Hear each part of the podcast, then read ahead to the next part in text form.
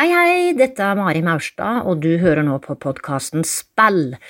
Jeg har dubbet mange karakterer i flere tegnefilmer, blant annet karakteren Soppe i Super Mario Brothers Supershow, som er basert på det spillet det skal snakkes om i Spell i dag.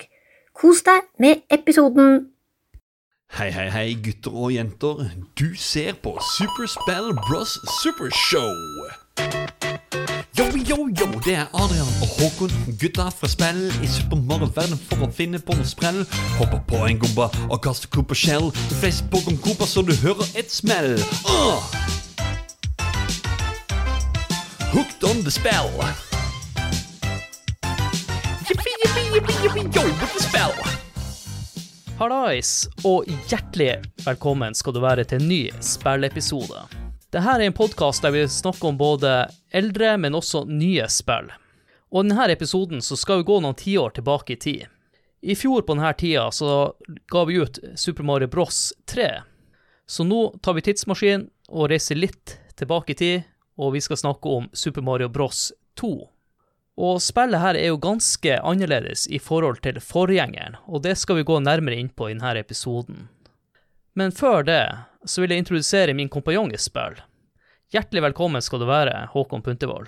Å, takk for det, Adrian Haugen. hei, hei, hei, alle sammen. Og riktig godt nyttår og alt det som hører til der. Og tusen hjertelig takk til Mari Maurstad for den Jeg, jeg syns det er så stas, den, den, introduksjonen der. Det er helt nydelig. Hun hadde stemmen i Super Mario Brothers Supershow, og det skal vi ta en eh, lengre prat om senere i episoden. Det stemmer. Men som du sier, det Vi går liksom Super Mario Bros 3, og så nå går vi på Super Mario Bros 2. Jeg er spent på hva, hva spillet blir til neste år. ja, det ligger kanskje litt i kortene. Men Håkon, yes. vi starter jo alltid denne uh, introen med våre spilleminner. Og hva er ditt mm. spilleminne til uh, Super Mario Bros 2? Husker du noe fra første gang du testa det ut? Nei, for det er egentlig et spill som alltid har vært der. Det har liksom bare alltid vært blant de spillene vi har hatt til nesen. Uh, men jeg har et, uh, et sånn VHS-opptak, eller en sånn liten VHS fra disse her, uh, kameraene back in the days, hvor nyttårsaften i 1995, hvor jeg da var fem år, sitter med en Super Nintendo-kontroll i hånda og spiller Allstars-versjonen. Og når jeg ser det klippet der, så kan jeg skimte minner at det er en sånn hva skal jeg si, ego-Håkon som bare er sånn Dere andre er dårlige i dette spillet. Jeg vil jeg, Det er bare jeg som skal spille. Så um, ja, det er liksom det tidligste minnet jeg har til, til det spillet. Og så det at det er ganske annerledes. Det er sånn, ja Det er et veldig annerledes Mario-spill, som vi skal snakke om litt seinere, da. Og det folk kanskje ikke eh, vet om det, det er jo at du er født med stikker i hånda, hvis det er lov til å si på den måten. Så du har alltid vært ja. naturlig god i de her Mario-spillene. Ja, dette kan diskuteres, men det skal jeg snakke om senere. ja. Så ditt første møte med Super Mario Bros 2 var egentlig Allstars-versjonen? Ja, mest trolig. Jeg tror det. Uh, selv om at det er Nes-versjonen har spilt mest. Men uh, ja, det tidligste minnet jeg har sånn på on tape, uh, altså som dokumentasjon, det er Allstars-versjonen. Eh, for min del så må vi reise litt tilbake i tid her i forhold til deg, Håkon. Det som var så fantastisk med å være barn på den tida, var at du fikk jo ikke med deg spillnyheter. Og måten man fant ut om spill på, var jo i skolegården, eller at en kompis bare plutselig på mirakuløst vis hadde et spill hjemme hos seg. Og det her var ikke noe unntak. Normalt sett så var det jo en kar i gata som alltid hadde lånt et spill fra videoverden, eller um, hadde fått det i bursdags- eller julegave. Men denne gangen var det en annen person i gata som hadde det. Så jeg husker jo at eh, det første jeg tenkte, at her var det veldig mye blåfarge og en ufantastisk grafikk. Så jeg ble liksom blown away av det her spillet. Men også mm. registrert at det her var såpass annerledes i forhold til første Super Mario Bros. Ja, det er jo, det er jo natt og dag. Altså, det, det er som to forskjellige spill, kan du si. ja. Men mine beste minner er faktisk fra Allstars-versjonen. For det, når han fikk det Super Mario, Bro, nei, Super Mario Bros 2, så tror jeg det var på starten av 90-tallet, og Super Nintendo begynte å komme, og det forsvant litt bort, for det var ikke nytt lenger. Mm. Men en annen ting som er litt spesielt med det spillet her, Håkon. Eh, For eh, ja, en god del år siden så ble både jeg og du klar over at det Super Mario Bros vi kjenner, er egentlig ikke Super Mario Bros 2. Nei, det, det stemmer. Og det er det som jeg syns er interessant med dette spillet her, og det som egentlig gjør det litt mer skjært, sånn annet enn en at spill har sine sånn Ja, de, de har sine sterke minner og alt sammen, men dette er gjerne det spillet som introduserte meg til den delen vi gjør i denne podkasten. At vi tar det som et dypdykk da i, i spill. For det, historien bak det spillet her er jo egentlig enorm, og det er noe helt annet enn det vi trodde eh, fra når vi var små. Ja, og det her er jo et eksempel på hva som gjør det morsomt med å gjøre research til episoder. Mm. Og jeg er ganske sikker på at eh, mange som blir å høre på denne episoden her, vet det her fra før av. Men for dem som ikke har hørt om denne bakgrunnshistorien til spillet, ja, dere kan bare lene dere tilbake, så skal jeg fortelle dere det nå. Oh yeah.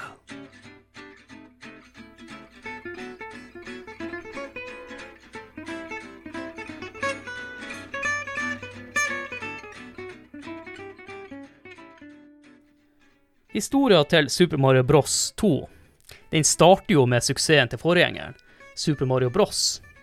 Og det tok ikke lange tida før Nintendo tenkte ut hm, hvordan kan vi tjene enda mer penger på denne franchisen? Og de fant ut at jo, vi lager en arkadeversjon av dette spillet. Og siden Nintendo er jo veldig opptatt av å tjene penger, så tenkte de hm, vi lager også banene ekstra utfordrende, sånn at eh, de små barna som skulle bruke pengene sine på lørdagsgodt, brukte heller opp alle pengene sine på å spille Super Mario Bros. Nå tenker dere, hm, var det noen som likte denne arkadeversjonen i det hele tatt? Jo, det var faktisk det. En som lot seg begeistre av arkadeversjonen, var ingen andre enn han Shigiru Miyamoto, skaperen av Super Mario Bros.-serien. Han likte utfordringen og vanskelighetsgraden til spillet, og han mente at denne versjonen burde blitt utgitt på konsoll, som en oppfølger til Super Mario Bros. Så når Miyamoto kommer med noe, så må du bare hoppe på, og det var det Nintendo gjorde. Det var bare én ting før de kunne sette i gang, det var jo at mannen som hadde kommet med forslaget, han var jo opptatt med et annet prosjekt, nemlig The Legend of Zelda. Så dermed satte Nintendo oppgaven til han Takashi Tezuka. Han hadde vært assisterende director for Super Mario Bros, så han var ikke helt ukjent til spillserien. Når de starta med dette prosjektet, så innså de fort at de måtte gjøre noen endringer på banene i forhold til Arkadeversjonen. Men Tezuka ønska fortsatt at spillet skulle være utfordrende. Og at spillet var utfordrende, det var noe Nintendo reklamerte for borte i Japan. Litt over et halvår etter Super Mario Bros blir sluppet ut, så blir Super Mario Bros sluppet ut på markedet den 3. juni 1986 til Nintendo sitt disksystem i Japan. Og synes dere det her var litt tynn suppe levert av meg, så fortvil ikke. Dette er ikke det Super Mario Bros 2 vi fikk i Vesten, men ble senere gitt ut som Super Mario Bros The Lost Levels. Hovedgrunnen til at vi ikke fikk denne Super Mario 2-versjonen til Vesten, det må vi rette en stor takk til Nintendo of America og en Howard Phillips for. Nå lurer du kanskje på hvem er han der Howard Phillips? Det er kanskje mannen som hadde verdens beste jobb på 80-tallet. Hans oppgave var å gå gjennom alle de spillene jeg fikk fra Nintendo of Japan, og avgjøre om de her spillene var bra nok for det amerikanske markedet. Og bakgrunnen for hans stilling var det berømte The Widdy Game Crash, som var tidlig på 80-tallet i USA, hvor markedet ble overøst av veldig mange spill med veldig dårlig kvalitet. En dag mottok han Philips leveranse fra Nintendo Japan. Det var ikke så unormalt, men når han åpna eska, så dro han raskt kjenselen av Super Mario sitt ansikt med tittelen Super Mario Bros 2. Han visste ikke om spillets eksistens, og måtte med en gang teste ut det her spillet. Han tenkte at det her måtte jo bli en ny bestselger for det amerikanske markedet, og det var no-brainer. Etter å ha spilt spillet en stund, så hadde han dødd mange ganger. Han følte at det her var ikke det Super Mario Bros han kjente til. Han mente at spillet var altfor vanskelig og urettferdig. Og når det kom til grafiske, så var han redd for at spillet allerede så litt utdatert ut. I mellomtida så var Nintendo kjempespent på tilbakemeldingen fra amerikanerne. Og når de mottok budskapet om at spillet ikke holdt helt mål, så satt de jo litt i beit. Og grunnen til det var at de fleste som har jobba med spillet, allerede var satt over til andre prosjekter, som å jobbe med Super Mario Bros 3 og The Legend of Zelda. Derfor ga Nintendo oppgaven til R&D 4-avdelinga. I oppgaven finne et eksisterende spill som kanskje kunne videreutvikles til å bli et Mario-spill, som kunne passe for det vestlige publikum. Og spillet vi landa på til slutt, var Doki Doki Panic, som hadde blitt utgitt i Japan i 1987. Og hovedgrunnen til det her skal jeg fortelle dere nå. Skaperen av Doki Doki Panic, han Kensuke Tanabe, han starta å jobbe for Nintendo i 1986. Og det første prosjektet han jobba med, var en prototype, og var tiltenkt å være et vertikalt plattformspill som skulle være beregna for toplayer. Og for dere som ikke er toplayere, så er det coop. Og i ettertid har han Tanabe fortalt at dette spillet faktisk var tenkt å være et Mario-spill. Og etter en eh, periode med utvikling så beslutta Nintendo å legge ned prosjektet. Men det skulle ikke ta lang tid før Nintendo måtte puste nytt liv i denne prototypen. Det hadde seg sånn at Nintendo hadde fått en forespørsel fra TV-selskapet Fuji, og de ønska å promotere deres nye festival kalt The Dream Factory. Dette var en slags eh, karneval som skulle foregå på sommeren i 1987.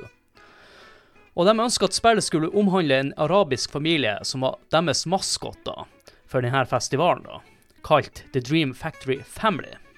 Dermed kunne Tanabe fortsette med prosjektet sitt, og han fikk faktisk bistand ifra selveste Miyamoto. Han oppfordra Tanabe til å lage et spill som spilte på de samme mekanikkene som Super Mario Bros.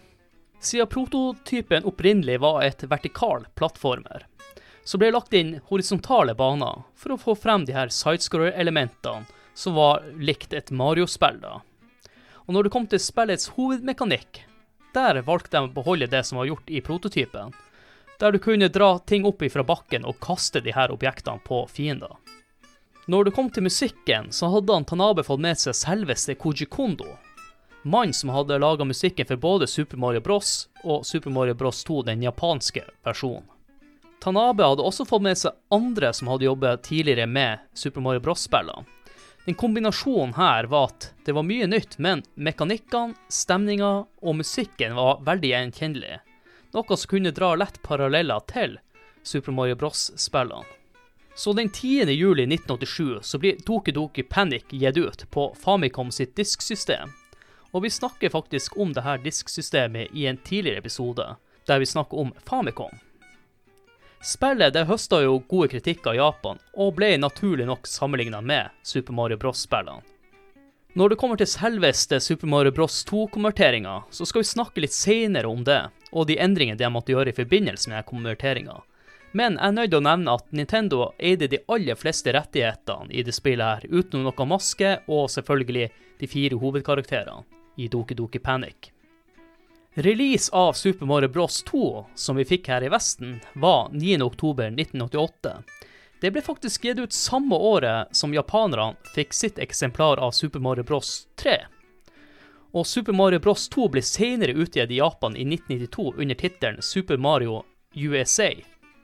Rett etter release så var det faktisk mange spillanmeldere som påpekte at Super Mario Bros 2 var en konvertering av spillet Doki Doki Panic. Men Nintendo sjøl gikk ikke ut offisielt før utgivelsen av Mario Mania Strategy Guide ble utgitt i starten på 90-tallet. Da, Håkon, er det noe fortalt nå som var nytt for deg, eller er det noe du har lyst til å tilføye? Nei, det er ikke så veldig mye mer for meg å tilføye. Det er altså, det, som jeg sa litt introduksjonsmessig, at dette spillet er det som på en måte introduserte meg til det med, med historie bak spill. Det er, ja, som folk har hørt nå, det er jo ganske mye i det. Og eh, det at eh, det egentlig var et annet spill sånn fra starten av, altså at det var Doki Doki Panic, det er jo uh, det, Ja, sprøtt for meg når jeg, når jeg, jeg oppdaga det i nyere tid òg. Ja. Så denne historien her kjenner jeg jo egentlig veldig godt. Jeg kom til å tenke på underveis at Tenk hvis det var noen på skolegården som faktisk hadde sagt at uh, nei, Super Mario Bros 2 er ikke Super Mario Bros 2.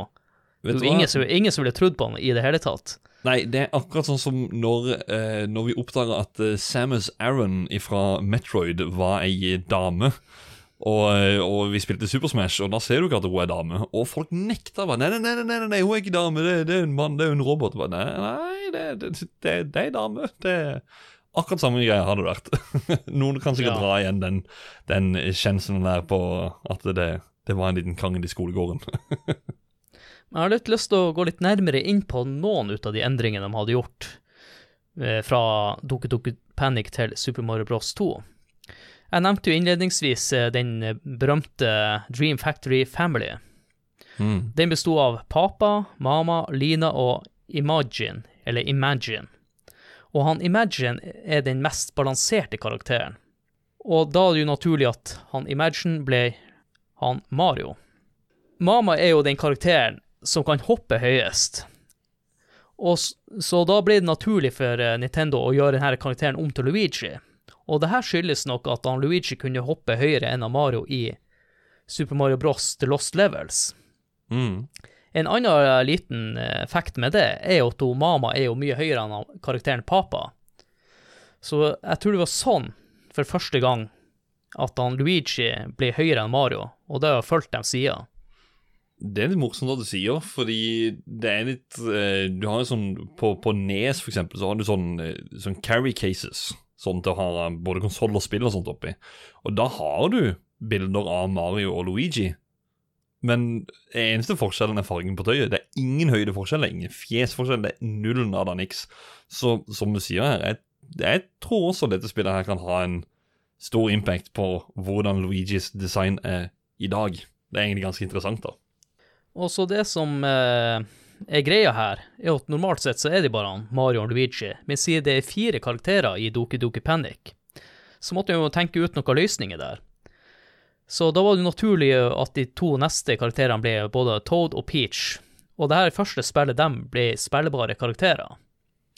Så Lina, søstera til han Imagine, eller Imagine, Imagine! Ja, hun kunne jo hoppe og sveve litt i lufta, men hun er igjen litt tregere.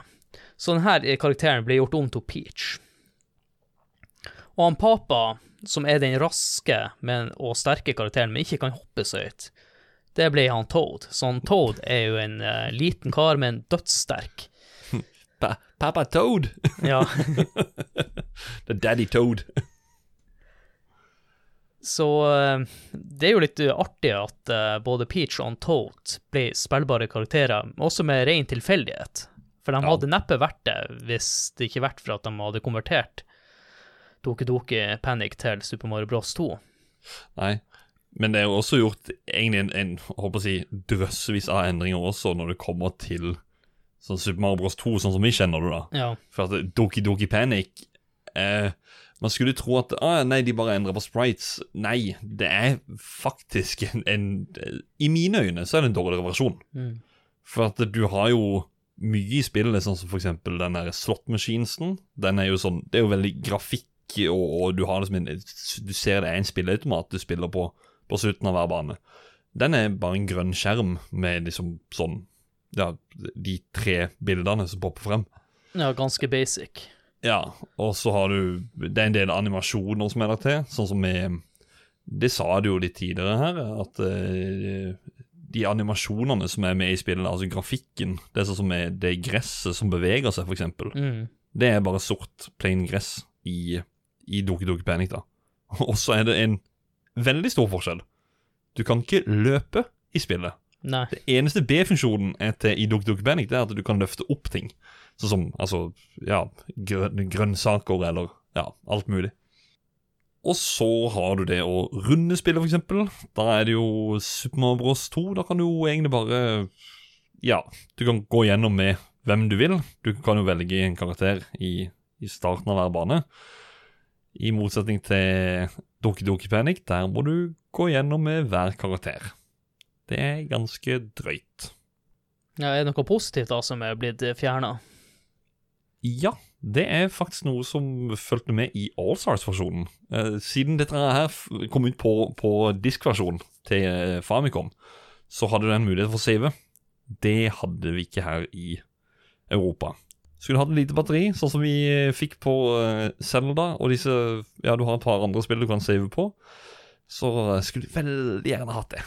Ja, det skyldes nok denne microchip-mangelen på slutten av 80-tallet, når det spillet kom ut. Ja. Så det er nok rent økonomisk at uh, den lagrefunksjonen forsvant. da. Mm.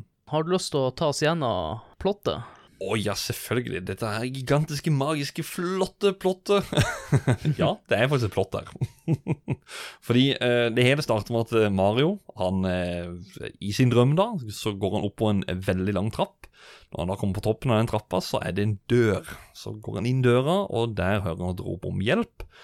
Det er da en subcon, som er en sånn feaktig figur. Ikke helt sånn som Navi i Zelda, men eh, ja, du ser det i spillet. Eh, av og til. Eh, han ønsker da velkommen til det som heter Subcon, land av drømmer. Eller Land of Dreams. Bare da en direkte oversettelse. Og han forteller da at det er en ond padde ved navn Vart som har forheksa verden. Og så plutselig så våkner Mario. Så ender han opp med da å fortelle om drømmen sin til Luigi, Peach og Toad. Og det viser seg da at de også har hatt samme drømmen. Så når de da skal på piknik seinere, så ser de en hule.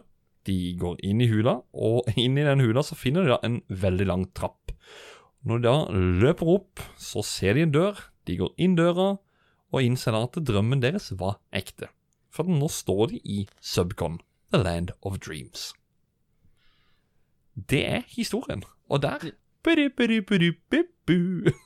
Men jeg synes jo historia er jo bra i forhold til eh, mange andre spill på den tida, så Ja, mye egentlig. kortere. Ja. Jeg har jo sett eh, introen til uh, Doki Doki Panic, og jeg tenker det er litt panic, fordi at eh, den har en litt mer voldsom uh, bakgrunns... eller plotter. ja, den er Det- litt sånn drøy.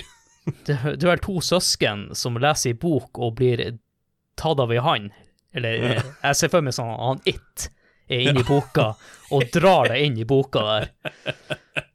Og så kommer er jo jo- Så kommer jo eh, Dream Factory-familien og tenker mm, vi følger etter. De er jo de andre folkene i denne It-filmen, da. Bare at det Ja. er en familie i stedet for at det er en vennegjeng. Det er The Losers Club, som det heter i, Ja. i It. Og han eh, It, han har jo kledd seg ut som han Wart, da. For han kan jo forandre seg. Jesus Det no- Christ, det er egentlig It, the game. Ja. Så jeg skjønner jo at jeg måtte jo endre litt på den eh, det plottet, da. For å Mm. få litt mer barnevennlig. Ja, Og så har jeg jo også sjekka en sånn prototype for Super Mario Bros 2. For den startscenen du nevner til slutt, da, når musikken eh, slår inn, den er jo blå og rød. Men i prototypen så er han litt sånn eh, rødbrun-ish. Og det jeg veldig... så er mye blod og sånne ting. Det er eit! Ja, ja men her er, her er prototypen, og jeg er glad for det jeg ikke valgte den fargepaletten, for det så ganske nitrist ut, da. Ja, nei, faktisk, når du sier det Jeg, jeg har ikke sett noen bilder nå nylig, men jo, jeg har sett noen bilder av, av en noe styggere tittelskjerm. Det, det har jeg. Men vi var jo litt innpå det i stad, at eh, de gjorde jo en del endring med spillet. Og vi kan jo snakke litt om eh, mekanikkene de har i det her Super Mario Bros. i forhold til forgjengeren. Og en ting som eh, kanskje de fleste har lagt merke til, er at han Mario han kunne jo hoppe på fiendene for å drepe dem. Men det kan du ikke i det her spillet. Nei. Her er det å hoppe og trykke på B-knappen, så løfter du de opp, så kan du geine de på hverandre. Som en eh, håndball eller eh, en fotball. Ja. For min del så husker jeg at jeg sleit med å, å, å skjønne og akseptere at jeg ikke kunne hoppe på fiendene. Jeg husker at jeg, jeg plagdes veldig i starten med det spillet. her. Jeg skjønte ikke hvordan jeg skulle ta livet av de her fiendene. Ja, nei, jeg har ikke noe altså, jeg, Som sagt, jeg har ikke sånne minner til det altså, første gang jeg spilte det, men, men ja, det er, jo, det er jo en veldig stor endring. For det, Mario skal jo hoppe på fiender. Det er jo det som er greia eh, i, i Mario-spillet, at du skal hoppe på fiendene. Det er jo ikke stå på dem og så kaster de. Men jeg syns jo mekanikken er jo litt morsom, for du kan jo gjøre litt morsomme ting med at du kan stå på en fiende uten at han tar skade, og bare surfe på den. Ja, det er jo faktisk deler av spillet hvor du faktisk er nødt til å bruke det. for å komme deg videre. Men jeg savner jo litt sånn power-up som eh, den flammeblomsten. Mm. Den tror jeg kunne vært litt kul i den verden, men kanskje veldig overpowered når eh, du har en sånn kastemekanikk i spillet. Kunne gjerne også ha introdusert eh, fjæra fra Super Mario World. det er min favoritt-item. Og så er jo spillet på noen måter litt eh, snillere med det enn det forrige spillet. For du, ha, du har jo flere liv før du blir eh, game over. Mm. Og du kan ta hitpoints, og du kan samle opp hitpoints. Så du tåler me mye mer enn du gjorde i det forrige spillet. Men nå husker jeg ikke i farta, du blir jo liten først, men uh, mister du livet så, eller mister du liv når du blir liten også? Nei, du, du mister jo Du har jo først to brikker, eller, eller to sånn røde prikker, da. Det, Mm. Til venstre for skjermen. Blir du da hitta, så blir du mindre. Og så dør du etterpå. Men så kan du selvfølgelig da, ja, som du sa, da, du kan eh, få ekstra hitpoints, eller så kan du samle sammen eh, cherries, eller gjøre komboer med å kaste fiender.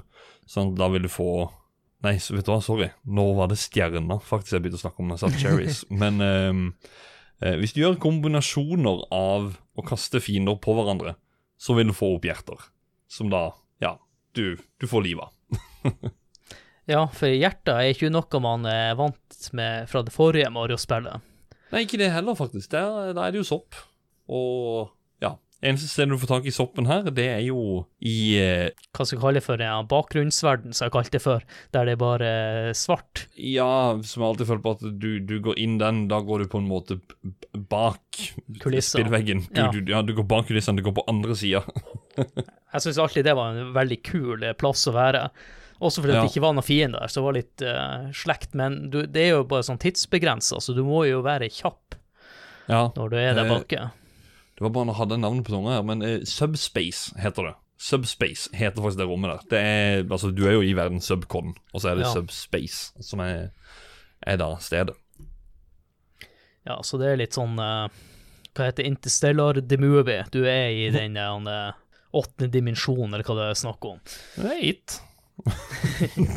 Ja, heldigvis er jo ikke han It i Interstellar. det hadde jo vært uh, en spesiell film, i hvert fall. Ja.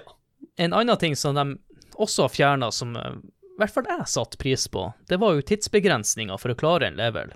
Ja, altså I første Mario så kunne du Du skulle gå til høyre, og så Mm. gikk du til høyre, så kunne du ikke gå tilbake igjen til venstre. Det kan du her. Så du får jo tid til å faktisk, ja, utforske banen og prøve deg på litt triks og ja, alt mulig. Så her er- var det ingen Eller her trengte ikke du å stresse, og det var for jeg er veldig glad for. Mm. En annen ting eh, Hvis du tenker 'fy faen, nå har jeg valgt feil karakter', så har du muligheten til å endre på det valget her. Men da må du enten ha klart en bane, eller daua. Altså, du må faktisk ha et game over, fordi at du eh, Du låser deg til å Når du dør, så er Eller Du har jo tre liv som standard, så eh, Så er det da låst til den karakteren frem til du da eventuelt får game over. Men da har du da muligheten for å ja, kunne endre på det igjen, da, og, og velge riktig karakter.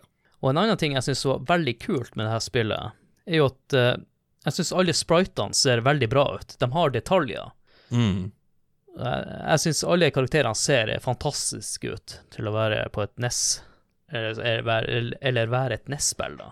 Ja, du ser det er Mario, du ser det er Peach og Toad og Luigi. Du, du ser det klart og tydelig, og det er ja, gjenkjennelige sprites, for å si det sånn, da. Og de utseendene har de jo tatt med videre til alle de andre Mario-spillene. Mm. Men Håkon, hva er din favorittkarakter, og hvorfor? Ja, det er jo egentlig blanda, men eh, jeg får ta, så, ta den jeg hadde som kid, og det er jo ikke den jeg spiller mest med nå, men eh, favoritten min var, eh, og fortsatt innerst inne, er Luigi. Faktisk min favoritt såpass at jeg faktisk har eh, vinyl eh, det soundtrack til dette spillet her, og det er faktisk i Luigi-utgivelsen, så den er i, i blå og grønne farger. og Nei, det er fordi han, han har det høye hoppet, og han spreller med beinene, og ja, bare Han er jo egentlig horribel å styre, sånn egentlig, men det er bare et eller annet som som var så greit og sikkert med at du hadde det der høye hoppet, spreller, det er slow på ja, at du skal falle og ja. Eh, Det der med beina, det var jo noe han Miyamoto faktisk eh, implementerte i spillet. For å gi et bedre inntrykk på hvorfor han klarer å holde seg så lenge i lufta. Det er fordi han spinner så mye med beina. Litt som i et annet spill, da. Uh, Yoshi's Island. Da er det jo eh, også uh, Yoshi. Han gjør jo det. Når du Mm. hopper med hoppeknappen, så spreller han med beina. Så uh, jeg vil ikke anbefale folket med å teste hjemme. Jeg kan ikke garantere for at du kan sveve litt høyere i lufta.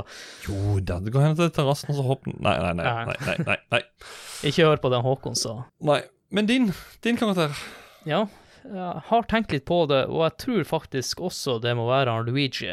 For jeg synes han var litt enklere å spille, med tanke på at du Mm. har litt tid å tenke når du tar et hopp, og du er lettere å angre på det hoppet. Mm. Men han er jo litt sånn slippery. Men det, Ja, var han, ja, men det er han også i Super Mario Bros. The Lost Mm. Levels. Ja, der har jeg faktisk holdt meg unna å spille med Luigi. For det er Ja. Det er kanskje et spill som er litt verre at han er slippery. Det er ikke like hektisk på de banene i Super Mario Bros. 2 som i den japanske utgaven. Mm.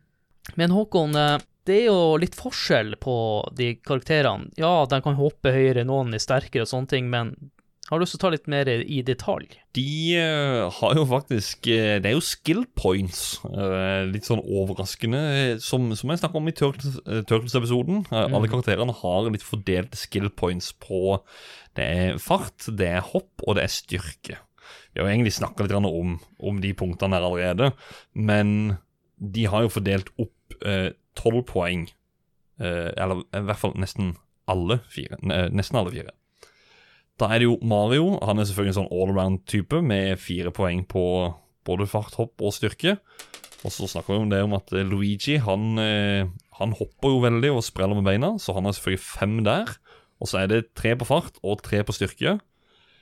Eh, Bitte lille Toad, aka Papa Toad, han har eh, to på hopp. Og så er det jo fem på styrke og fem på speed. Så med det så syns jeg jo egentlig at han er den beste karakteren. Sånn egentlig basert på at det er styrke og speed der. Hopp er ikke nødvendigvis det Jeg liker at han er en sopp og god på speed. Nå er ikke jeg noe sånn god på drugs, men eh, Faktisk ikke tenkt på. uh, og, så, og så til slutt så har vi Peach. Uh, hun har ikke tolv poeng. Hun har tolv minus fem, altså syv poeng. De er fordelt på to i fart, to i styrke og tre på hopp. Men hun har en fordel, og det er at hun kan fly. I eh, hvor lenge, det skal jeg ikke si, men eh, det er to sekunder eller et eller annet. Da er det eh, trykk på hoppeknappen, og så holder du inne i knappen. Så svever du bort et stykke.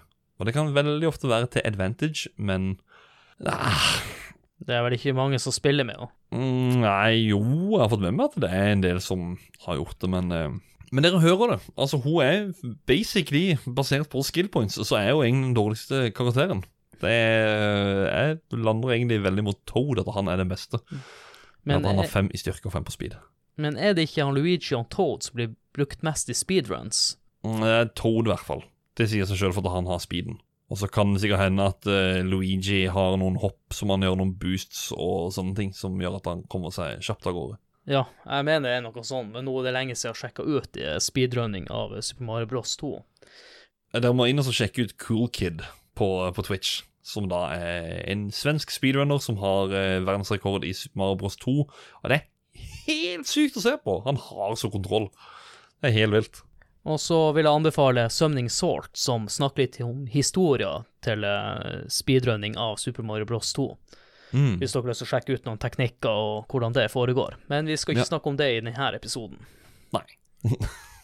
Er det noen andre spillmekanikker vi bør trekke fram? Uh, vi har vært på å løfte objekter, eller eh, det med å løfte fiender og kaste de. Det er jo én ting. Uh, vi drar opp grønnsaker fra bakken. Det har vi kanskje ikke sagt. Det er mye Det er mye eh, røtter som rives, og grønnsaker som kastes. Men du har faktisk eh, det power squat jump, som det heter. Det er da å holde ned deep-paden i ca. halvannet sekund, og så begynner du å blinke. Så trykker du på hoppeknappen, og hopper du enda høyere. Det er sikkert ikke dobbelt så høyt, men mye høyere. I hvert fall. Og så må jo ikke glemme den POV-blokka som har, får sin debut i det her spillet. Ja, herregud, det gjør han jo faktisk. Jesus. det er så mye med dette spillet her som egentlig er introdusert her, fremfor uh, Altså, jeg skulle føle på at det er veldig mye som er inne på typ uh, At det er mye fra Super Mario Bros 3. At det er mye som er introdusert der. Men det er sinnssykt mye fra dette spillet også som er tatt med videre. Ja, i hvert fall eh, noen ting. Eh, Jeg tenker vi kan snakke om det litt senere, for det er jo Hva skal jeg si Jeg vil kalle det for et det glemte Mario-spillet. Mm. Men vi må jo snakke litt om uh, selve level-designet på- i spillet.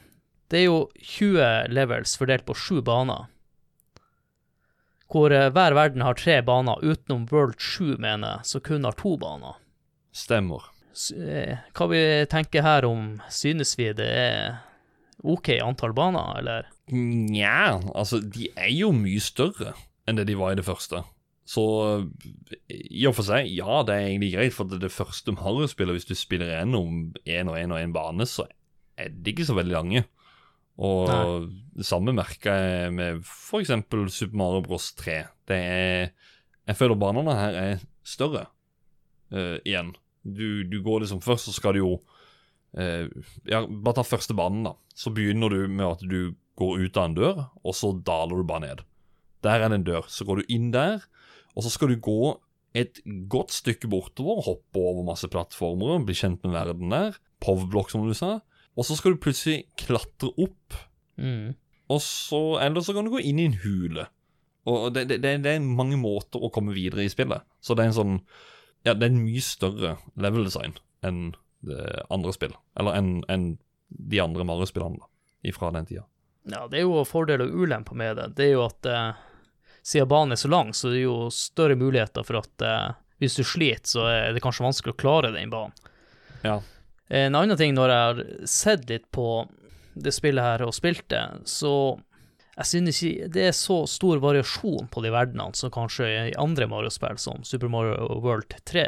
Men det er jo kanskje litt eh, galt å sammenligne de to spillene. ja, Det er, jo, det er jo ingen vannverden eller noe sånt. Det er en ørken, det er en gressbane og så noe undergrunns og Og vet du hva, det har ikke jeg tenkt på heller, sånn i forkant av både episoden og når jeg faktisk streama dette spillet her nå i eh, romjula som nettopp var, at det er ikke vannbane.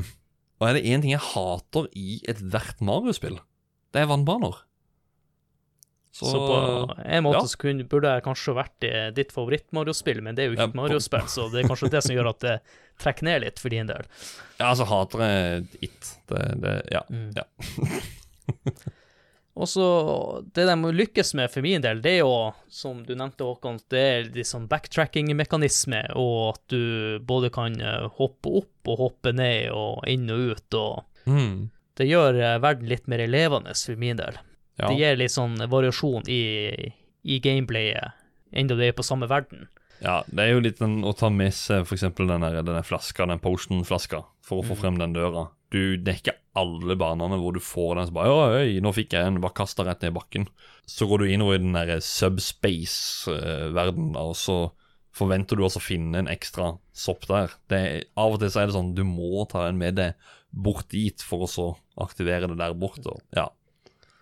Siden de holdt på å utvikle Super Mario Bros. 3 samtidig som det her, så ser man jo at de har jo latt seg inspirere av den backtracking-mekanismen. For du har jo den i Super Mario Bros. 3 på enkelte baner også. ja, ja, faktisk. Men eh, en ting vi ikke snakker om, det er jo de fiendene. Og dem er jo kanskje de som bærer mest preg på Doki Doki Panic. Fordi at nesten samtlige fiender går jo rundt med maske.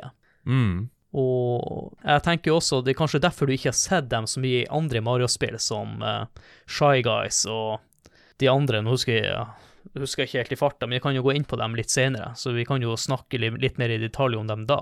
Ja. Det tok jo bra lang tid før ja, Shy Guy kom tilbake i et Mario-spill.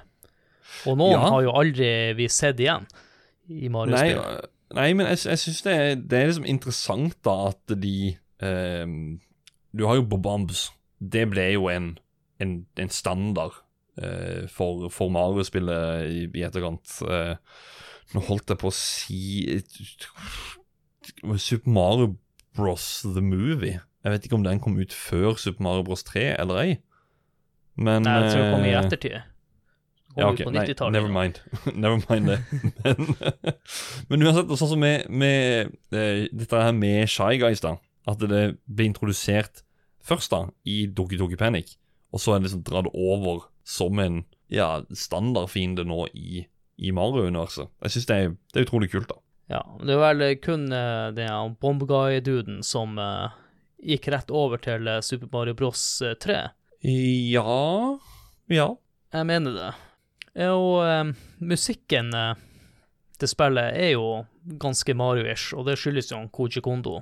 Det er jo Koji Kondo preg over hele greia. Det er jo Ja. Jeg har en liten fun fact når det kommer til musikken. eh. Visste du at eh, den tittellåta er en remix av en underwater-bane fra Super Mario Bros. 1? Er det Eller un Underwater Theme, da. Jeg vet, jeg, vet ikke hvordan jeg skulle oversette det. Underwater theme. Ja. Eh, nei, det gjorde at jeg egentlig hater den sangen der eh, litt nå. Ja. Men sånn generelt sett så føler jeg jo at eh, musikken eh, klarer å lage stemning. I hvert fall med tanke på de temaene de har valgt. ja, absolutt. Det er som jeg nevnte i stad. Jeg har jo soundtracket på, på vinyl, så det er jo en sånn uh, Ja, det er, det er et soundtrack som, som har betydd noe, og uh, betyr noe fortsatt den dag i dag. Og ja, rett og slett bare er, er bra. Vi kan jo ta oss og høre her, da. Det er jo eh, noen av de første sekundene ifra første banen.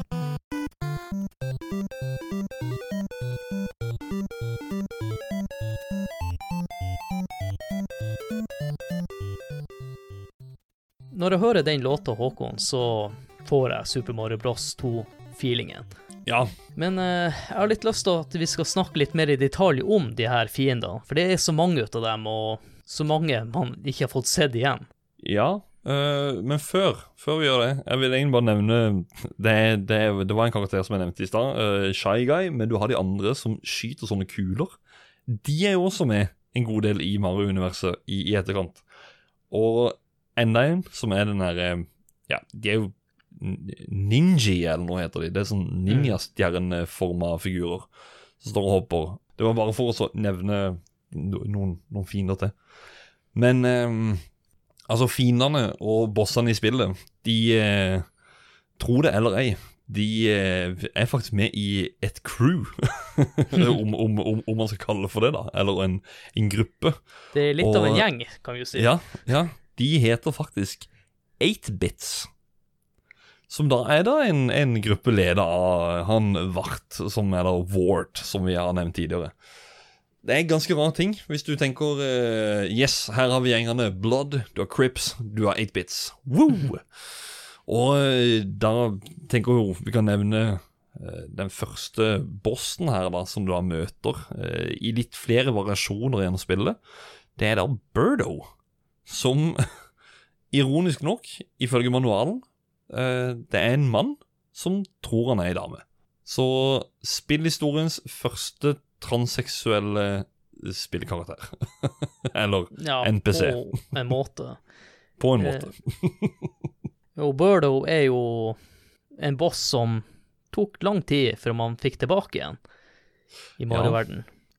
Det skal jeg ikke huske Jeg husker ikke nøyaktig når, men jeg vet eh, han, han er Ja, det er han som tror han er hun. Eh, han er en spillbar karakter i eh, Mario Kart Double Dash, faktisk. Ja. Som eh, Ja. Det er vel første gangen den eh, karakteren er tilbake igjen. Men én ting er jo sikkert, at denne karakteren er jo ikke glad i å ete egg, for han spytter dem bare ut igjen. ja. Det, jeg er veldig glad i, i, i, i kokte egg og, og eggerøre, så kom for all del, spytt egg. Yes, Mm. konge. Men når jeg tenker litt på denne Burdo-karakteren, så mener jeg også i spillet at eh, av og til så har denne bossen også ei sløyfe på hodet. Er det samme bossen, eller eh, 95% sikker på at den karakteren også har ei sløyfe på hodet en eller annen plass? Og eh, som du sa, du møter jo denne bossen flere ganger, og første gangen så er det ganske enkelt å håndtere den bossen. Eh, Litt senere i spillet så plutselig spytter den ut eh, plutselig flammekule, og da har jo den fått i seg noe indisk egg. Ja, for det er jo rosa som er den første eh, variasjonen, da. Eller, eller typen som du møter i. dag. bare skyter hun vanlig egg, og det går egentlig veldig tregt for seg. Men så har du rød. Der er det jo litt blanda opp med både eh, egg og flamme. Og så er det grå og grønn. Litt usikker på åssen det er med de to, men sånn 100% Men er en av de to skyter bare flamme. Jeg skal mene det er grønn. Og så har jo ikke Burlow heller eh, skjønt det her med hvordan man skal legge egg. For uh, så vidt jeg vet, så skal jo den komme ut en annen plass enn ut av kjeften. Så den har jo ikke lært alt, Burdo. Nei, faktisk ikke. Men det er jo også en annen boss som jeg syns Eller jeg syns i hvert fall var veldig kul da jeg var liten. Hvem er Ja. det, Håkon? Jeg tror du tenker Du tenker på musa? Mouser. Ja, Mouser, ja. Ja, Mouser. Ikke, ikke Mouser fra Police Academy. Nei, Commandant Mouser. han er ikke like kul, for å si det sånn. Vi, vi har jo hatt noen politiskole... Referanser i spillet. De kommer uh, Mahomo Nei da. Mahoney. Ja, Mahoney. Ja. Sava politiskolereferanse. Det her eh, kommer inn til Mouser, og det er på med Blue Oyster Bar-musikken og Nei da. Um, det er jo den første bosskampen, for Mm. Birdo er jo bare en sånn der eh, mellomboss. Det er jo en sånn miniboss, egentlig. Ja. Før, før eh, bare sånn mellomlevelene. Men for å avslutte en verden, da, så er liksom Mouser den første bossen du møter. Og han står egentlig bare og kaster bomber på deg og løper frem og tilbake på en plattform. Eh, Ja, bossen er jo den er, Han er jo litt morsom, syns jeg. Det er jo fordi du kan kaste bombe, det nevnte jo ikke vi i stad, men eh, det er jo også noe, noe nytt du kunne gjøre i Mario. Ja, faktisk. Og du må også jo- noen stager du må planlegge hvordan du skal kaste bomber, for du må, du må få den til å sprenge i lufta, i Mm. hvert fall én plass. Ja. Og det jeg syntes var kult med Mouser, det var jo de fete shadesene han gikk rundt med.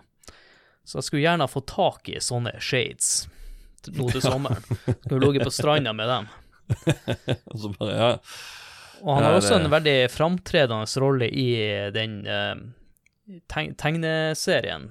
Ja, der er han eh, Coopers eh, høyre hånd. Det er hjelperen Mm. i, i mange scenarioer. Og det skal jo også sies at han eh, Jeg leste jo i, i manualen for å få liksom litt sånn Hva står det grundig om disse karakterene, da? og der står det at han er faktisk så stolt av seg sjøl over det han gjør, at han ikke tror at han er en mus. Hæ? Kan du ikke skrive noe litt mer kreativt enn at Han han er, så stolt? han er stolt? for å kaste bombe og tror ikke mus. Han tror han er en terrorist, er det det som er Jeg vet ikke. Et eller annet er det i hvert fall. Men apropos bombe, og bombe skaper flamme, eh, som, som, som regel. Eh, for at eh, neste bossen man møter i den neste verden, er jo den som heter Fry Guy. Som er en svær flamme som bare svever rundt i en slags bue. Så skal du kaste sånne mushroom det, det er også noe vi har nevnt. Det er jo sånn item som du løfter opp istedenfor røtter. Så er det av og til sånne soppforma eh, ja, klosser, eller ja, ja, klosser. Så skal du kaste dette her på han. Etter fire ganger så eh, deler han seg opp i fire små flammer. Så skal du slå de ut av én og én. Og som jeg sa, ifølge manualen så var dette her også bare en skapning som han Vort, eller Vart, lagde for at Eller ved å gi liv til en flamme. Bare sånn Ja, OK. Han Vart, han har litt å gjøre, så Ja, ja han er ikke kreativ. Jo, jeg vil jo si det. Når Jeg ser en flamme, så vil jeg gi liv til denne flammen. ja, men det er ikke så Ja, jeg, jeg føler alle, alle har gjort det. Ja.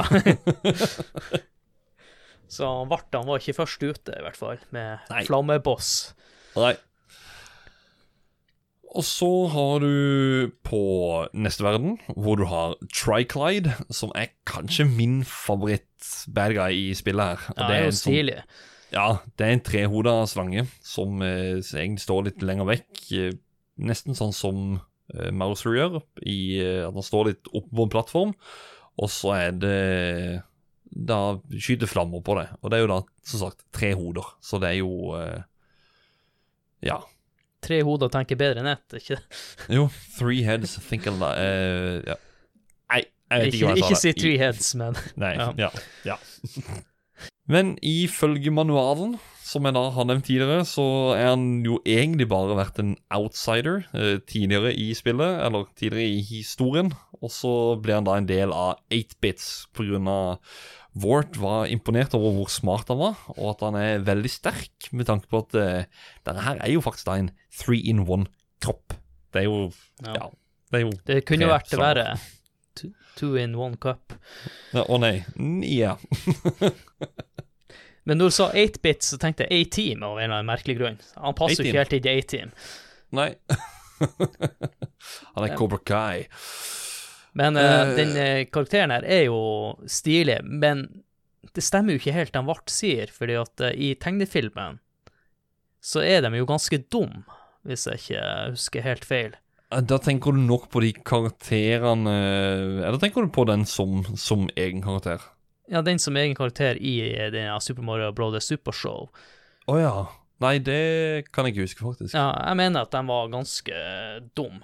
Men jeg har en fun fact om uh, Super Mario Bro- Brothers Supershow som skal jeg fortelle litt senere, om mine egne erfaringer med den serien, da. Jo, nice. Men det er jo flere bosser her.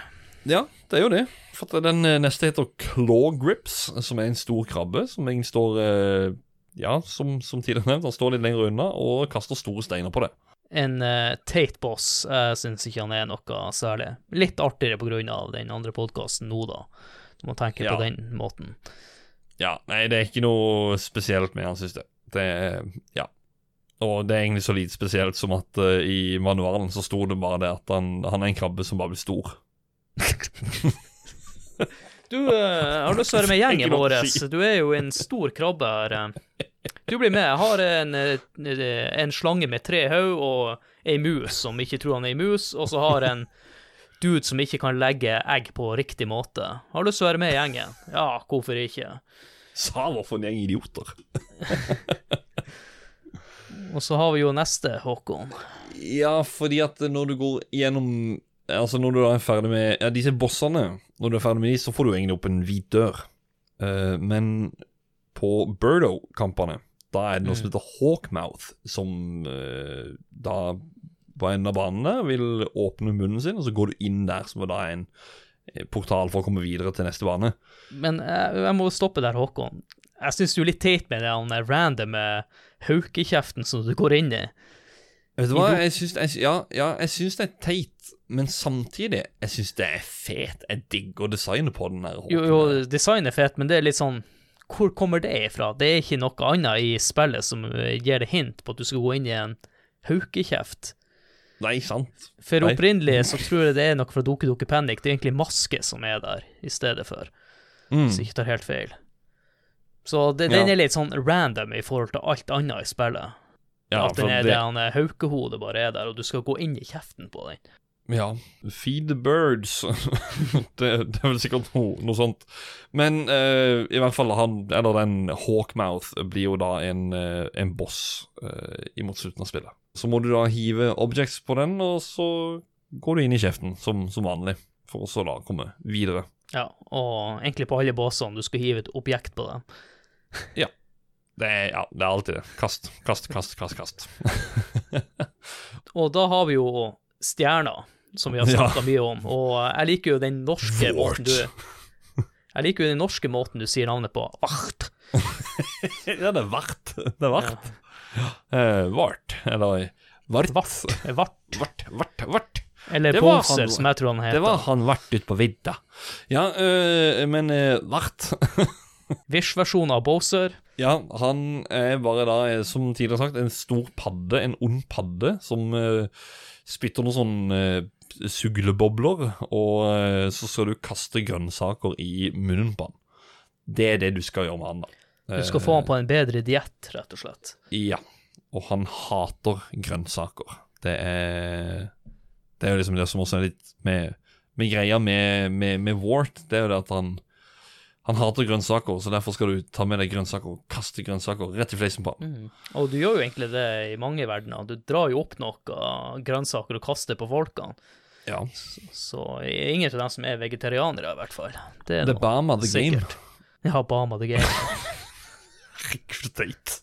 ja, det var kjempeteit. Men vi lar det være med i episoden. Ja, det, det er trivelig. Det er trivelig. Så håper jeg også at uh, ikke alle som hører på nå, hører at vi er kjemperusten. Nei, For det, for det er vi. det er vi litt. En lang ferie. Men jeg har noen eh, fun facts som jeg har lyst til å dra fram. I prototypen hadde de opprinnelig lagt inn et cash reward-system. Og vinneren, eh, eller den vinnerkarakteren, da, var den som hadde klart å samle mest cash. Jeg vet ikke helt hvordan, eh, hadde, hvordan det cash-greien eh, var tenkt, men jeg- mistenker at en slåttmaskin kanskje hadde noe i bildet, eller Nå fikk jeg bare for meg den Jon Jon Carew bare sånn Come on, come on, come on. Du kan komme inn og tjene masse cash. Hvem har mest i pengesekken? Kanskje vi eh, har lyst til å bli Eller, vi tar gjerne imot penger for å komme on. Ja.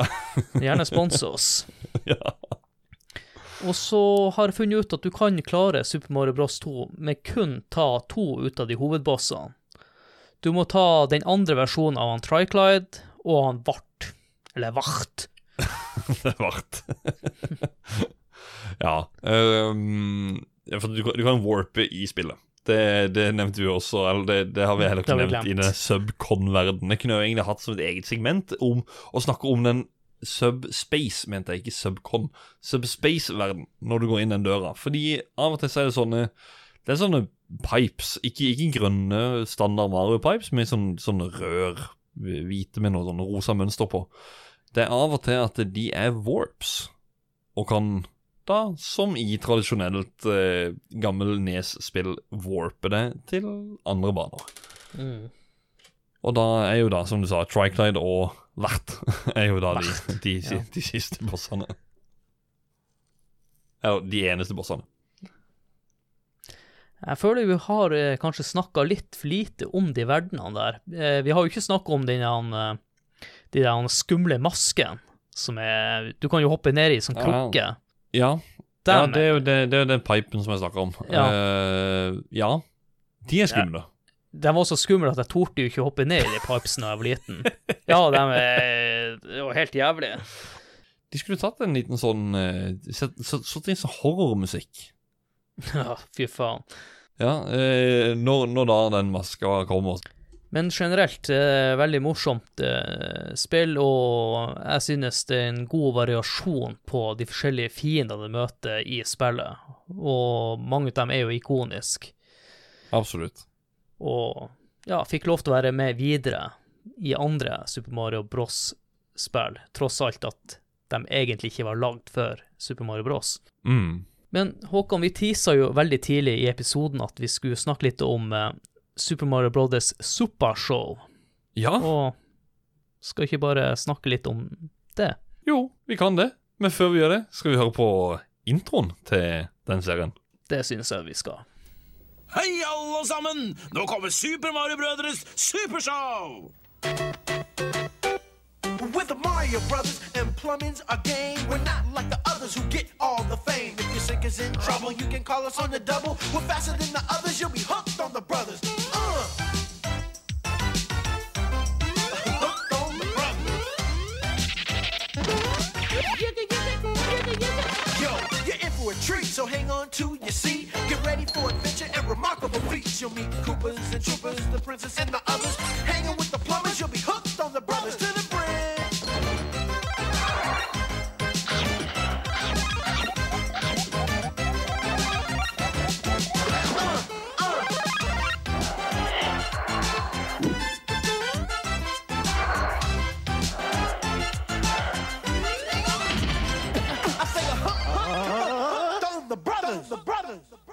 Og den slutten der er kanskje det beste med hele låta. Den der så Hooked on the brothers, the brothers, the brothers, the brothers. Og så digger jeg at de faktisk går over til eh, bridgen i, i låta. Bare The bridge! Take to the bridge! det er Run DMC-materiale her. Det er Men det jeg beit meg merke i, at det er ikke så mye eh, norsk tale i denne introen. Så det var jo normalt eh, på den tida å gjøre tegnefilmer om til norsk. Mm. Eller, eller introlåten gjøre, gjøre dem om til norsk, da. Ja, kan du Så si det- heldigvis, da, for det er veldig ofte at de norske er ganske kleine, dårlig direkte oversatt, og bare sånn, de gir av og til ikke mening. Nei, men eh, det gir en sjarm. Ja, det gjør det. Jeg må jo fortelle litt om denne Super Mario Brothers Suppa Show. Eh, serien ble jo sluppet ut i 1989 i USA, og var delt opp i tre seksjoner, hvor den første delen var en, det jeg kalte da var en ekte film. Hvor han eh, Mario, som ble spilt av han eh, wrestleren Lou Albano, som hadde en episk eh, dans i starten av serien, eller han dans, hadde en episk dans i denne introen, da. Ja, apropos den dansen, kan jeg bare Hvis, hvis dere går inn nå, nå som dere hører på episoden, bare, bare pause episoden litt, gå inn på YouTube, se introen, og så se nøye på fjeset til Lou, eh, Lou Albano. Han ser ikke særlig stolt ut. Han er sånn derre Nei. «Eh, Hva gjør vi her, egentlig? Og ja, du kan jo introdusere mannen sjøl, eller eller navnet sitt? Uh, han som spilte Luigi, han står jo liksom og Hei, dansere, kom igjen, hei, opp med humøret. Og han er sånn «Eh, Hva gjør vi her? Hva er det vi holder på med? Han trengte vel litt ekstra lønn, Ja. så det var vel kanskje ikke, kanskje ikke like mye stolthet i det. Og eh, for min del så synes ikke han ligna på den Mario jeg hadde sett for meg. Absolutt ikke. Bob Hoskins gjør det mye bedre. Selv om det kanskje ikke var så veldig bra. Ja. Men eh, ja. Dessverre så døde jo han eh, Albano i 2009. Og han andre, han som spilte han Luigi, som du nevnte, det er jo han eh, Danny Wells, som gikk bort i eh, 2013, da. Mm. De var godt voksne karer da når de spilte inn, så det Ja, og han Mario var litt over toppformen, kan jo trygt si. En smule. Han har gått bort fra pastaen og litt over på litt mer amerikansk diett. Ja. Nå er det jo slik at eh, det ble totalt lagd 65 episoder, men vi fikk bare 11 episoder her i Norge. Eller rundt 11 episoder. ja. Det er jo sånn vi, vi pleier alltid å få det er nesten der, hey, her kommer en hel serie på 80 episoder her i Norge. Dere får oversatt 10! Ja, og som går eh, rundt og rundt og rundt, på replay hele tida, de samme episodene. Mm. Men han Albano og Wells, de hadde også stemmene til eh, de animerte karakterene. Jepp. Men de hadde jo ikke det her i Norge. Serien har to forskjellige dubs. Bare sånn at folk husker litt rett nå, så eh, Det er en VHS-utgave. Da er det en som heter Hasse Torbjørnsen, som er kreditert for stemmen til Mario og Toad, i hvert fall. Imens Fox Kids-versjonen, da er det da Mari Maurstad som eh, introduserte episoden. da. Eh, Hun hadde stemmen til Toad. Rune Alstedt, han var som Mario. Helge Winther Larsen som Luigi. Og Halvard Lydvo som Kong Koopa. Og Peach, eller Princess Toadstool, ser ikke ut til å være kreditert noe sted. Så, men eh, eh, jeg har med et lite lydklipp her ifra eh, TV-serien, sånn at dere kan høre Fox Kids-dubben. Virkelig dyktig rørlegger har jobbet her nede. Ikke bare virkelig dyktig gutt. Den beste rørleggeren i verden. Milde makaroni, kan, kan dette være sant? Det er Salvadore Drenerotto. Kjenner dere denne fyren? Alle i Brooklyn kjenner Sal. Han var rørleggernes rørlegger. Hertugerne av alle avløp. Hertugen av alle avløp og Salvadore Drenerotto. Hva er det for noen navn? Ja, men det er jo litt Åh. morsomt, synes jeg. Jeg synes det er Ja. herlig. Ja, det er herlig. Det har sin sjarm. Det har det. En annen ting som, som serien hadde, som jeg faktisk ikke oppdaga før eh, ja, Herman, det var før min fetter eh, hadde kjøpt en Super Mario VHS da, med, med denne serien her. Det er faktisk de eh, reklamesnuttene som er midt i. For eh, serien Kaptein N, eller Captain N The Video Game Master, og Zelda TV-serien. Well, excuse me, princess. Som jeg faktisk syns det var dritkult å se, men om jeg, om jeg ser på det på YouTube nå, så er det bare Herregud, hvorfor ble det lagd? Nei, jeg syns det var dritkult da jeg var liten. Så. Ja. Men eh, ikke, ikke som, som vi sier om Golden Eye og eh, flere ting eh, Ikke se på det nå. Bare la det være med minnene. Det, Ja, ja, det kan være Leave it to the memories.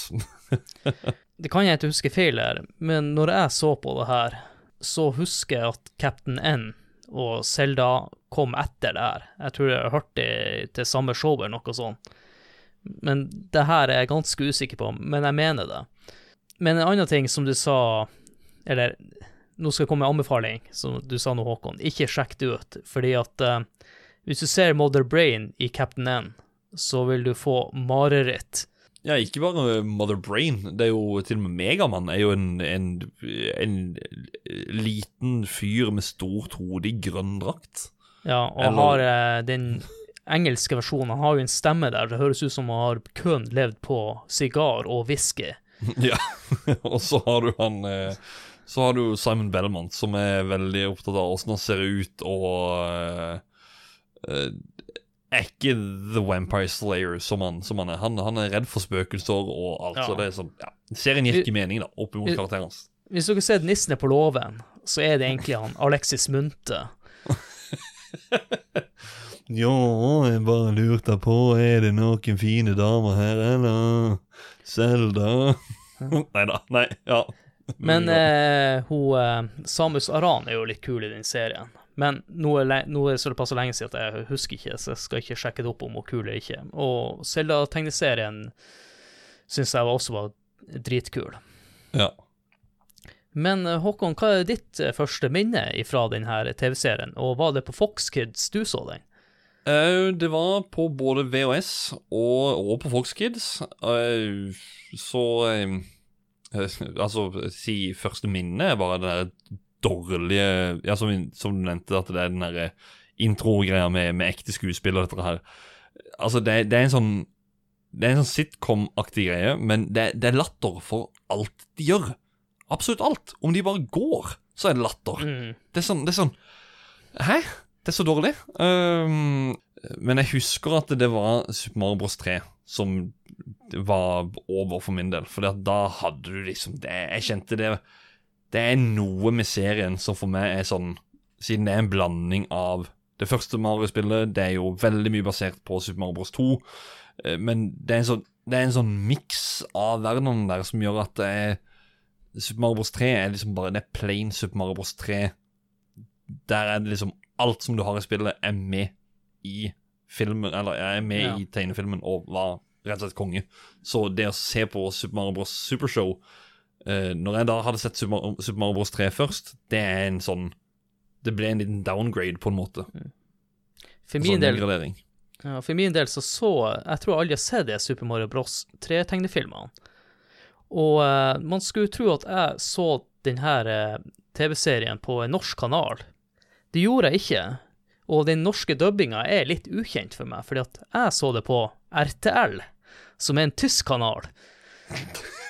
Og eh, så liten som jeg var, så visste ikke jeg når tid det her eh, showet skulle starte på lørdagene på RTL. Å, hva det scheisse der, Mario? Ja, Ja, Luigi! Det var på det, det nivået.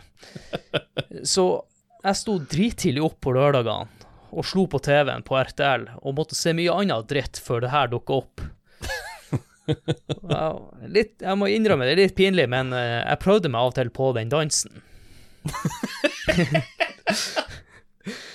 sånn at Å, eh, Vær så snill, lag en video, og så tar den dansen. Så legger du ut på Spillcommunity på Facebook. Nei, Jeg tror ikke det. Da, da skal jeg i hvert fall få penger for det, og uh, så masse penger at jeg slipper å jobbe i ettertid. ja. Så det er sånn jeg husker serien aller best, da. Jeg kan også erindre at jeg har sett det på Fox Kids, men da var jeg såpass mye eldre at eh, jeg syns ikke det var like kult da. Nei, det var too cool. Det er en ting man legger merke til i Super Mario Brothers Super Show, er jo at han Vart, han har jo fått sparken. Ja, han er jo ikke der, han. Der er det gropa. Så det er jo uh, litt uh, spesielt, og jeg, jeg vet ikke når jeg var liten om jeg i det hele tatt visste hvem han Vart var, for vi kom oss aldri så langt. Nei. Nei.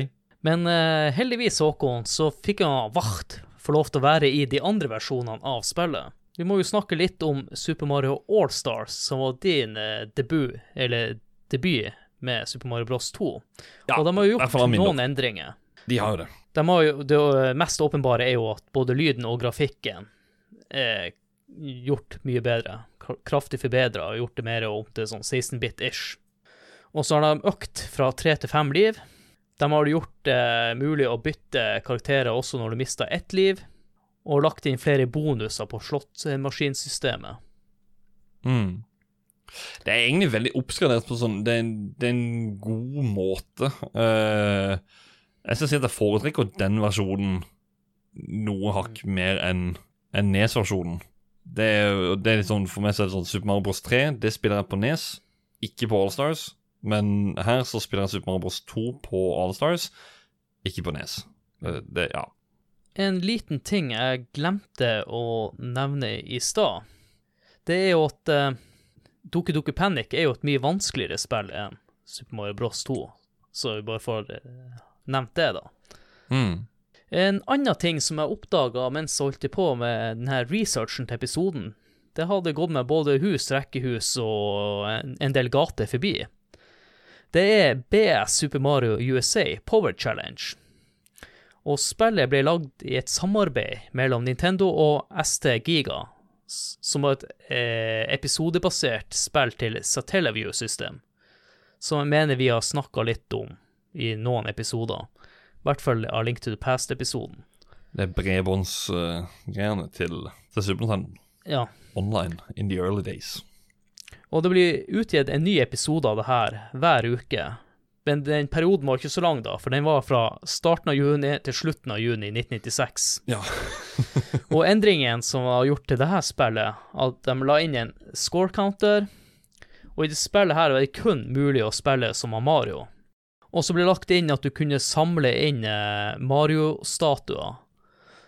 Og når du klarte å samle nok, så fikk du ekstraliv for det her, og, opp, og som også fylte opp health-baren din når du samla det her. Og så var det lagt inn timed events. Og når du hadde fullført en verden, så hadde du muligheten til å se forskjellige stats ved å trykke på select-knappen.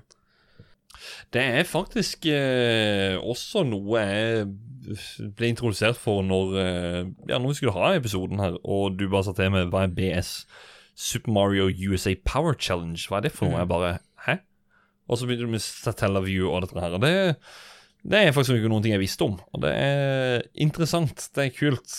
Og jeg skal ikke si det sikkert, men jeg vet det er flere sånne Satellaview-spill som er blitt lasta ned, og så er det lagt inn på, på minnet til den eh, eh, ja, Satellaview-boksen da, som, som det kommer på, kommer på Super Nintendoen. Så for alt vi vet, så kanskje spillet ligger der ute. Eh, jeg vet ikke om det ligger ute på, på nett allerede, eller ja. Folk kan jo prøve å sjekke det ut. Men Håkon, når vi skulle lage denne episoden her, så var det en versjon du var veldig glad i, som er Yes. Super Mario Bros. Advanced. Som faktisk er det første uh, spillet som Eller det, det, det er der jeg runda uh, Super Mario Bros 2 første gang, faktisk. oh, ja. Det, ja, det var min fetter som hadde fått en Der Game Boy. Advance. Du, du klarte heller ikke sjøl på første forsøk. Nei, så langt ifra. da, eh, som kid, ja, det har jeg ikke nevnt tidligere, men som kid da kom jeg som regel til ørkenverden og uh, sleit med de slangene nedi den ene hula hvor det er 20 røyer og nedi og ja. Men Super Mario Advance, um, det var jo en serie som jeg også har nevnt i eh, Super Mario Bros 3-episoden, hvor Super Mario Advance 1, 2, 3, 4 det er klassiske Mario-spill. Så dette her var det første spillet som var ut. Og de gjorde jo egentlig store endringer med det. Det var jo ikke bare grafikkoppgradering som i Super Mario All-Stars, men jeg vil si spillet er nesten redone, på en måte. Det er, ja, det er Super Mario Bros 2, men det er en helt ny drakt. Eh, du hadde også sånn som voice acting i, i Ja, bare si når du går inn på tittelskjermen, så har du sånn Choose your game, og så går du inn, og så har du sånn Luigi stemme. ja, ja, altså Det er en sånn announcer-fyr, da. Ja. Men så har du eh, Mario som har eh, Here I Go, og Peach og Toad og ja, Alle sammen har stemmer, da. Eller, alle, alle bossene de har også en dialog som er før og etter kamper og ja, diverse. Og så la de inn som fiender store Shy Guys. Og så var det store grønnsaker som du Når du skulle rive opp, så tok det liksom litt lengre tid. da Så kom det sånn gigantisk løk opp, eh, som du kunne gjegne bortover. Ja. Eh, det var der, og så er det jo Acoin, som er en sånn eh, Som ble introdusert først i Super Mario Deluxe på Gameboy Color. Jeg tror er- først du sa Acon som han artisten, hvis noen husker han. Ja. Det er ikke, det er ikke han. Uh, han står også og synger det inn på værbane. Nei da. men det er da uh, 100 coins totalt i hele spillet, som er fordelt rundt forbi. Og det er jo der som du snakker om det med at du kan utforske banen mye mer. Mm. Og her gir det litt mer det også faktisk å utforske, for eh, Ja, du kan samle fem sånne A-coin rundt om i hele verden.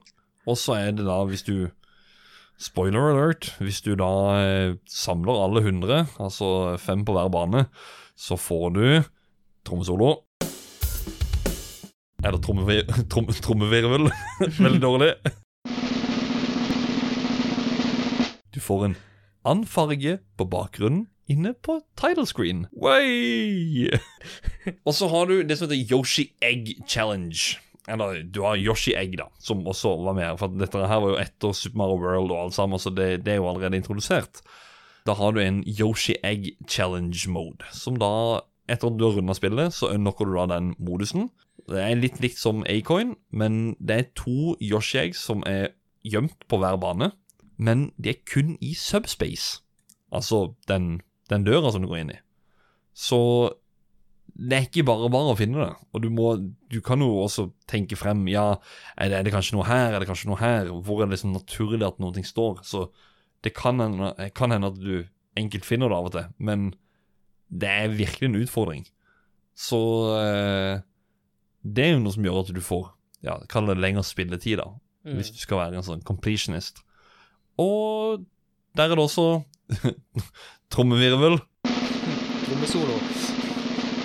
Du får en Yoshi som står nede i høyre hjørne på title screen, hvis du har samla alle sammen. Og det er det som jeg syns er absurd å tenke tilbake igjen på den tida. Det at du uh, Du blir rewarda med, med sånne ting. Og det Jeg tror det egentlig er nok med at du slår på spillet, så kan du vise til vennene dine. Se her, jeg har denne bakgrunnen på title screen. Har du det? Nei. Hvorfor ikke? For, eh, fordi at du er dårligere med. Ja, men det som var litt kult med akkurat det, jeg husker for i Mario Kart, det viser at du hadde en sånn trophy, på en måte.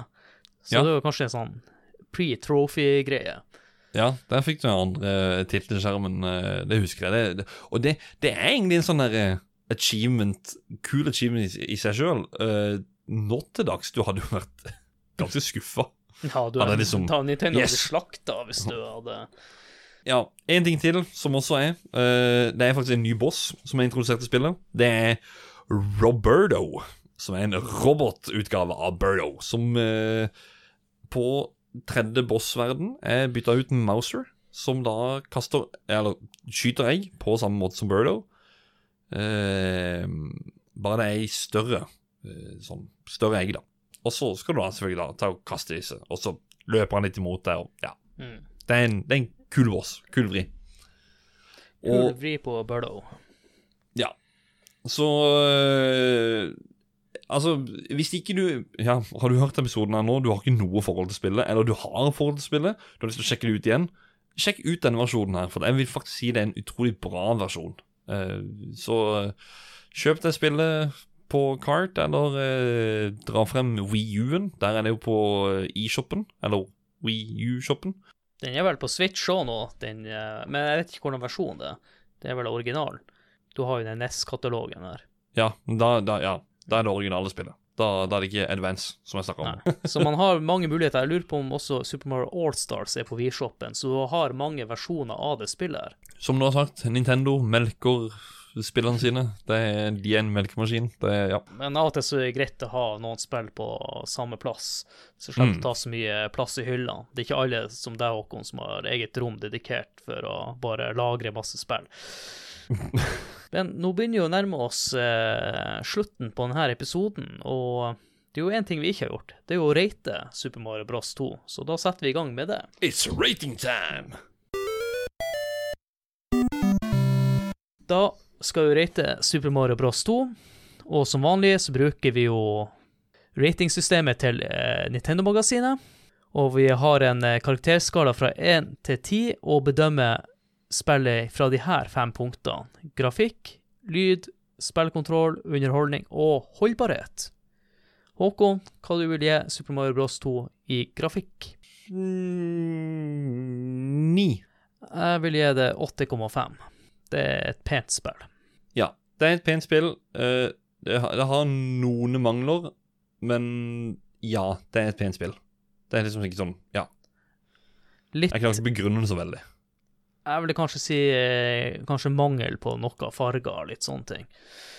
Det Ja. er vel det Det er jo det, altså, jeg syns, det er fint det med animasjoner, blant annet. Sånn, bare sånn, det å vite at den endringa ble skjedd ifra, eller ble gjort ifra Doki Doki Panic til Super Mario Mm. Bros 2, det får meg liksom til å tenke litt mer på at eh, Ja. Vet du hva, Håkon? Jeg sier ni, jeg òg. Ja, OK. Ja, nice, nice, nice. Double nine. Neste er lyd.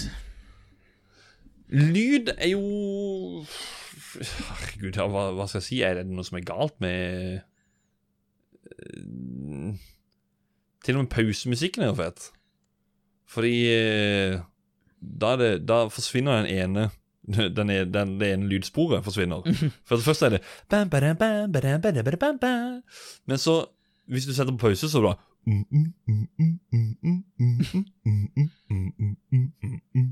Bare bassen, da. Eh, jeg eier eh, soundtracket på vinyl, som også er med og påpeker at jeg liker soundtracket. Men det er ikke det beste. Jeg er 9,5 Jeg er 10. på 9. Ja, 9,5. Eh, litt irriterende uh, klatrelyder er jo én ting. Eh, når, når du klatrer, så er det bare masse pipelyder hele tida. ja. 9,5. Neste er spillkontroll.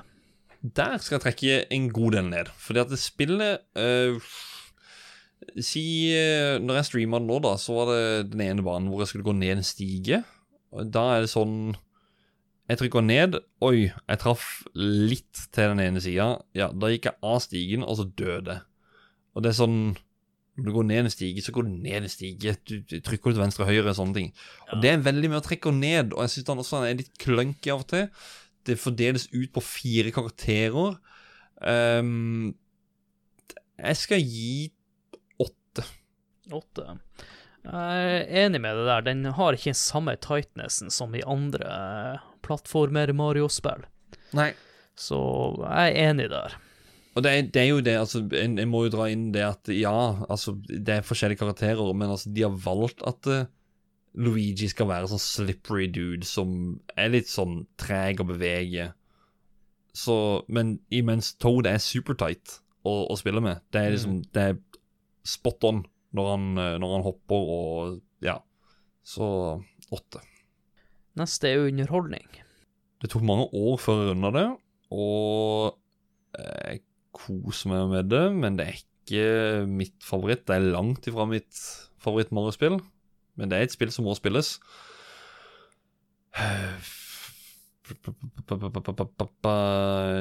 8,5. 8,5.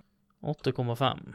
Jeg var egentlig og tenkte litt på åtteren. eh, Kanskje litt urettferdig. Jeg har jo sagt det tidligere, at eh, kanskje litt merkelig, men Mario-spillene i seg sjøl er ikke de som har underholdt meg mest. Jeg har jo stort sett, hvis det er sånn plattformutspill, så har jeg likt at det skal inkludere skyting i dem. Mm. Men jeg kan ikke gi det Jeg hadde tenkt å gi det åtte, men jeg gir det 8,5. Det blir litt urettferdig hvis jeg gir det bare en åtte, fordi at det er egen preferanser der på det, Ja. så det får en et halvt poeng ekstra. Eh, holdbarhet. Ja, har det holdt seg? Det har jo det. Det Ja, har jo vil si det. eldre, det har jo ikke eldra dårlig, vil jeg si. Nei, jeg syns det ser fint ut den dag i dag.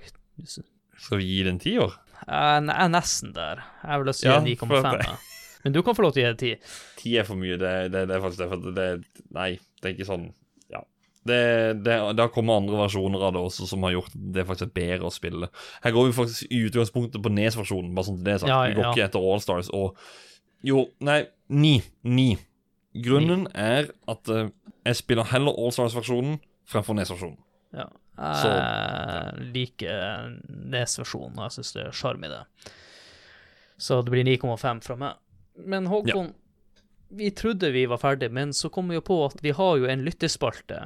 Så jeg er jo Ja. glad for at vi ikke glemte den helt. Uh, ja, vi har en lytterspalte, og den er faktisk ganske kort. Jeg vet at folk har minne til dette spillet her, men Ja, Vi, vi var jo litt seint ute med lyttespalten, kanskje, så vi var det også, egentlig. Vi var det. Men vi kan begynne inn på Facebook, for at inne på Discord så, så var det ikke noen. Det var noen som begynte å prate om eh, vart. vart. Ja. Men uh, det, det, det var det. Det ble heller en prat enn eh, enn å svare på spørsmålet. Eller jeg kan sjekke ut det, for det, han, eh, det var jo ment som en liten joker, da. Hvis jeg ikke tar helt feil. Jo, at Sinfor skriver at 'hvor bor Vart nå'? Jo, der har jeg en liten uh, fun fact hvor han er, eller uh, hvorfor han ble fjerna, eller noe sånt. Uh, han er jo Wish-versjonen av Coopa, så han kunne jo ikke fortsette. Det er ikke plass nok til dem begge. Eller Bowser, Nei. da. Eh, en annen ting jeg snubler over, er jo at denne Vart-karakteren er jo med i Zelda Link to the Past. Ikke Ja. Link to the Past, men uh, Windway Nei, ikke Wind... Nei, nei. Link's Awakening. Link's Awakening, ja. Det blander jeg mye. Da Ja. blander jeg Link to the Past og Windwaker. Som også er Ja en drøm. Ja. Eller som, som også er en drømmeverden. Eh, og med drømmer så tenker jeg på en annen skrekkfilm. Eh, du har jo The Nightmare from Elm Street.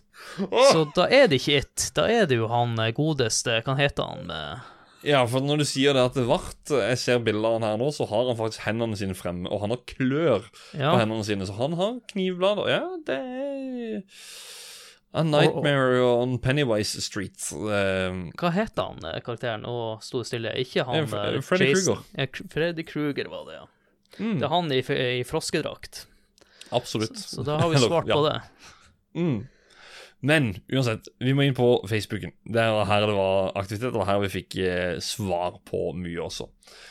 For vi spurte om eh, hva som er deres minner til spillet, og da kommer vår eh, alle kjæres Ivar Goldenboy Lobben.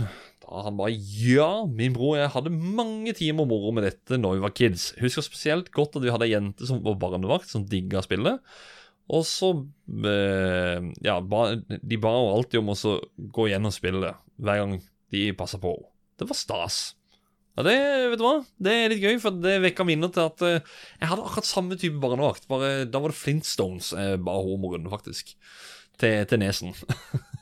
Skulle nesten ha fått den personen som gjest en gang, for jeg er jo veldig imponert over at de klarte de spillene her, for de er jo ikke akkurat lett. Nei. Jeg gir en pengesekk ifra Come On. Eh, ja. Jonkare. Wow, wow. Men eh, Sinfor, som skrev inne på Discord, også kjent som Trond Sinfor Borgersen, han skrev Eller han skrev bare 'vert, vert, vert, vert', vert. Vert, vert, vert, vert, vert. Vart. Han skriver ikke noe mer enn det. Nei. Otto Erlend Gregersen, som vi vet er hans jeg, jeg tror dette her er hans all time favorite-spill. Så Ja. uh, Otto, jeg håper du er fornøyd med episoden.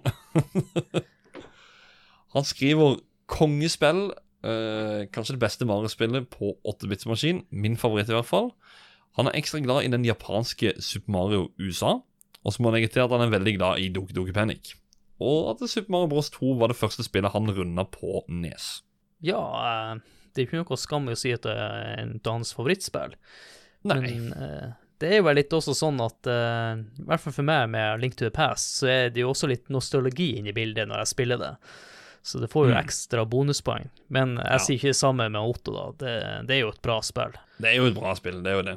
Og så er det jo, som han sa, Super Mario USA. Det er jo Famicom-utgaven av, av det vi fikk, som er Super Mario, Super Mario Bros 2. Og så har vi en siste person. Det er Magnus Eide Sandstad, som skriver 'Det beste Mario-spillet som ikke er et Mario-spill'. Ah. Det kunne, Ja. jo, Det kunne jo nesten ha vært tittelen til episoden hvis det skulle vært litt mystisk. ja, The Mario Game That Ain't a Mario Game.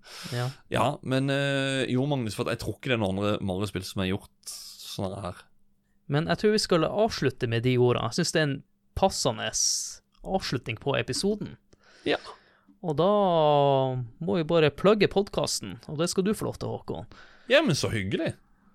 Vil du ha litt eh, sweet merch med spillogoen på, som f.eks. på en kaffekopp, T-skjorte, genser eller whatevs, så kan du ta og sjekke ut merch-butikken vår, som du finner link til i beskrivelsen. Måten å støtte spillet på, det er å tipse venner og bekjente om podkasten. Og så kan dere gjerne sjekke ut vårt community inne på Facebook, eventuelt Spill Community inne på Facebook, hvor det da er Det er daglig aktivitet inne på i hvert fall discorden. Eh, Vi prøver vårt beste å skape ekstra mye liv inn på Spill Community også. og så kan dere sjekke ut eh, Spill sin Facebook-side. Der vil det også være Ja, der holder dere sånn smått oppdatert på ja, episoder når dette her kommer ut, og sånne ting. Og så vil vi rekke ut en gigantisk stor takk til Joakim Froholt, som eh, publiserer episodene våre inne på spillhistorie.no. Det settes utrolig stor pris på.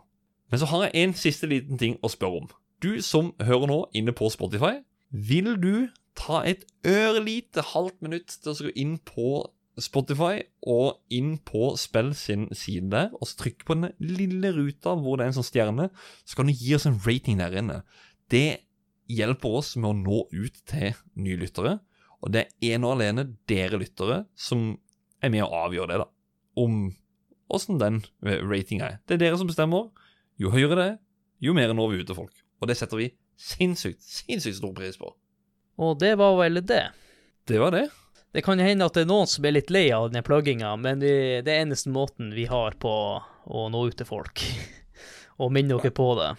Og da gjenstår det for meg, Håkon, å si tusen takk for at du var med på årets første episode, og vi er jo litt russen, og vi skal komme sterkere tilbake til neste episode. Det skal vi. Until next time. Vi snakkes. Ha det! Ha det. Do the Mario swing your arms from side to side. Come on, it's time to go. Do the Mario. Take one step and then again. Let's do the Mario all together now. You got it. It's the Mario. Do the Mario. Swing your arms from side to side. Come on, it's time to go. Do the Mario. Take one step and then again. Let's do the Mario all together now. Come on now, just like that.